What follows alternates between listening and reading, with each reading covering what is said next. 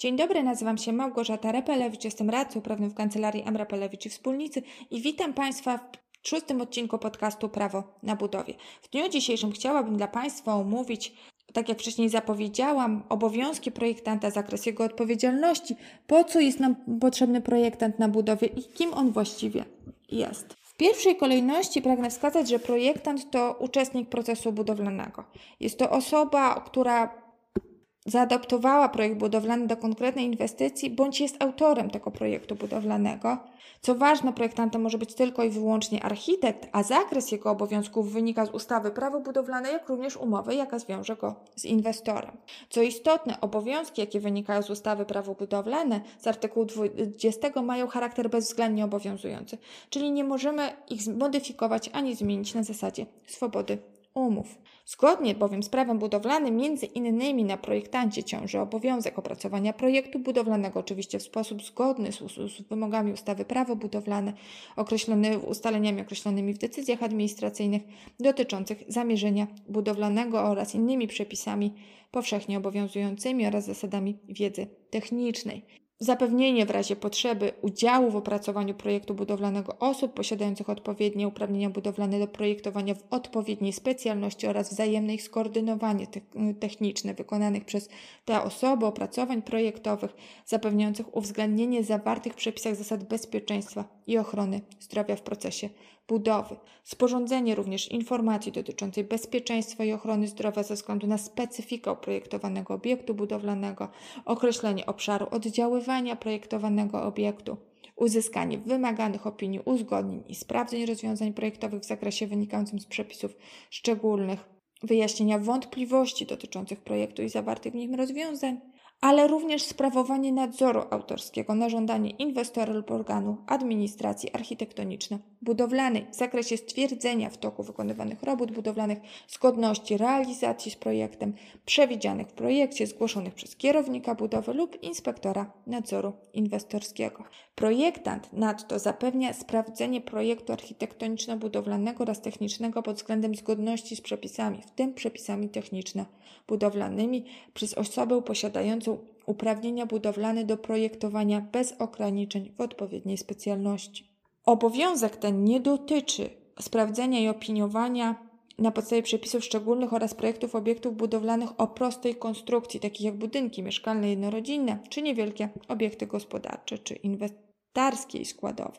Te obowiązki wynikają wprost z ustawy prawo budowlane.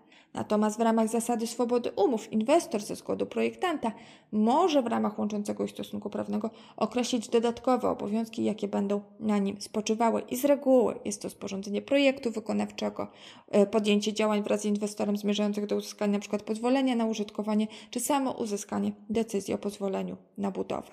To rozróżnienie obowiązków wynikających wprost z ustawy, a wynikających wprost z umowy ma przełożenie na zasadę i zakres odpowiedzialności projektanta.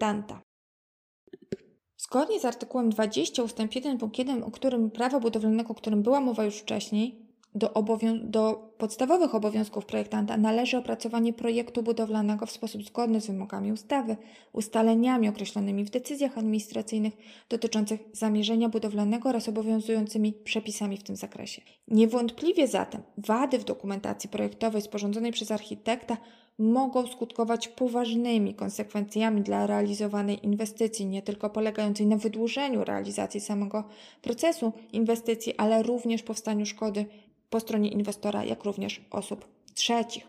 W sytuacji, gdy faktycznie ten projekt będzie posiadał wady, które no, będą wpływały na konstrukcję obiektu budowlanego. Mając na uwadze powyższe i przewidując takie przypadki, obowiązujący porządek prawny przewiduje dla, przewiduje dla projektanta odpowiedzialność zawodową, dyscyplinarną, cywilną, ale także karną. Zgodnie z prawem budowlanym artykułem 95 punkt 4 za niewykonanie swoich obowiązków, jak również za niedbałe ich wykonanie, projektant ponosi odpowiedzialność zawodową.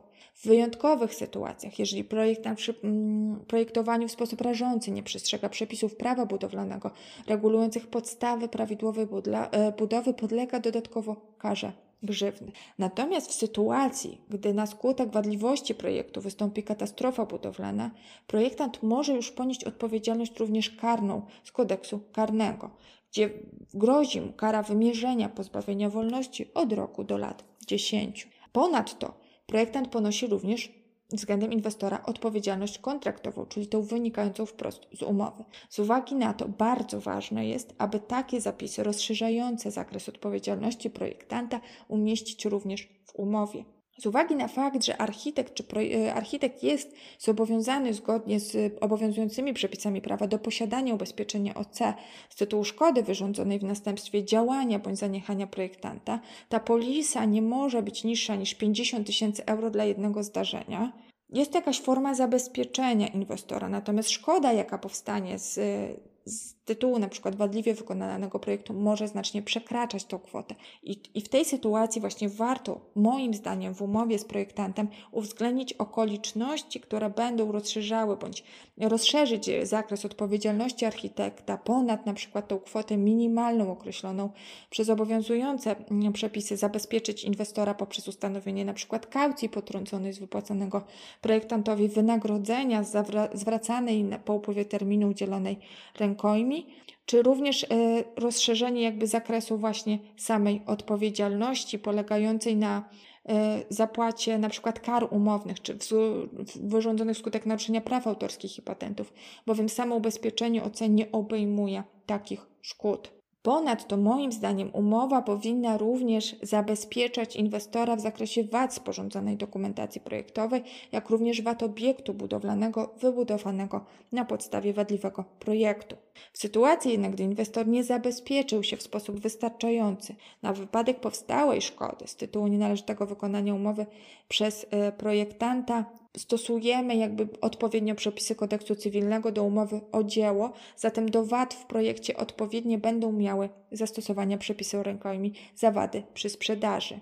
Uprawnienia z tytułu rękojminek zostają wyłączone w sytuacji wykazania, że inwestor jako przedsiębiorca nie zbadał projektu w terminie i w sposób przyjęty w branży oraz w odpowiednim czasie nie poinformował o ujawnionej wadzie projektanta.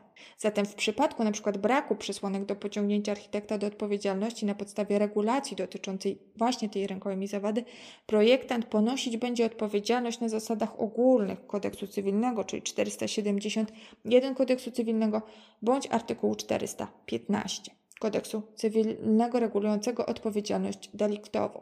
Zgodnie z artykułem 471 Kodeksu Cywilnego dłużnik obowiązany jest do naprawienia szkody wynikłej z niewykonania lub nienależytego wykonania zobowiązania, chyba że to niewykonanie zobowiązania jest następstwem okoliczności, za które ten osoba nie ponosi odpowiedzialności. Naprawienie szkody na tej podstawie prawnej będzie uzależnione od wykazania znowu przez inwestora, że szkoda po pierwsze rzeczywiście wystąpiła, a także istnieje związek przyczynowo-skutkowy między szkodą a działaniem architekta. Natomiast artykuł 415 kodeksu cywilnego mówi o tym, że kto z winy swojej wyrządził drugiemu szkody, obowiązany jest do jej naprawienia.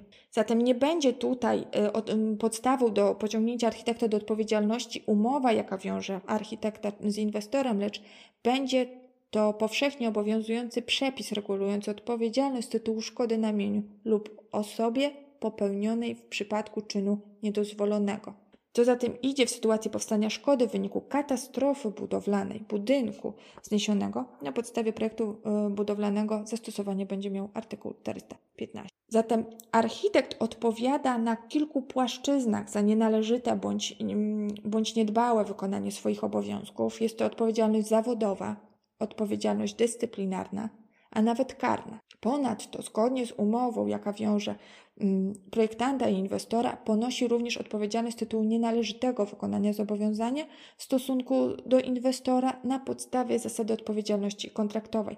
Dlatego tak ważne w moim przekonaniu jest uregulowanie i w umowie z architektem, projektantem tego, aby rozszerzyć mu ten zakres odpowiedzialności, aby zabezpieczyć inwestora w ten sposób, żeby on na wypadek okoliczności, których nie przewiduje na przykład polisa OC, obowiązkowa polisa OC, miał również zabezpieczenie w tym zakresie swoich interesów, czyli do pokrycia ewentualnych opłat, naruszenia praw autorskich, naruszenia praw projektowych, patentów, tak aby miał możliwość zabezpieczenia się w sposób należyty i tak aby być może faktycznie jednym z form takich powszechnie stosowanych form zabezpieczenia jest zatrzymanie części wynagrodzenia na czas rękojmi w postaci kaucji, którą oczywiście zwraca się po upływie rękojmi. Przede wszystkim zatem kluczowym dla zabezpieczenia interesu inwestora na wypadek powstania różnego rodzaju szkód z tytułu wady projektowej jest właściwe i możliwe szerokie uregulowanie odpowiedzialności w umowie o pracę projektowe. Oczywiście w tym zakresie obowiązują przepisy powszechnie obowiązujące, o których mowa była wcześniej, natomiast to zapisy kontraktowe będą mogły rozszerzyć tą odpowiedzialność w takim stopniu adekwatną do przeprowadzonej inwestycji, by ta ewentualna szkoda, jaka powstanie, nie była tak dotkliwa dla inwestora, jakby tych, jak przy braku tych zapisów.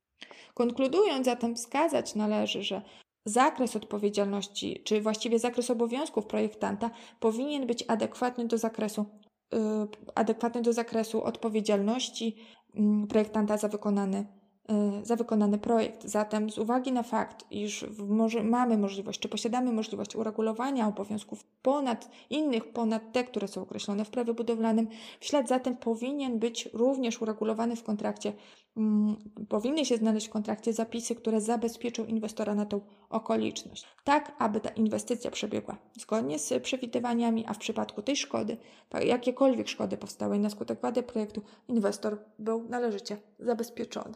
Mam nadzieję, że w jakikolwiek sposób, przynajmniej podstawowy, omówiłam zasady odpowiedzialności architekta, zakres jego odpowiedzialności, po co jest nam potrzebny architekt i jaki zakres obowiązków on posiada faktycznie w ramach tego całego procesu budowlanego. W razie pytań oczywiście zapraszam.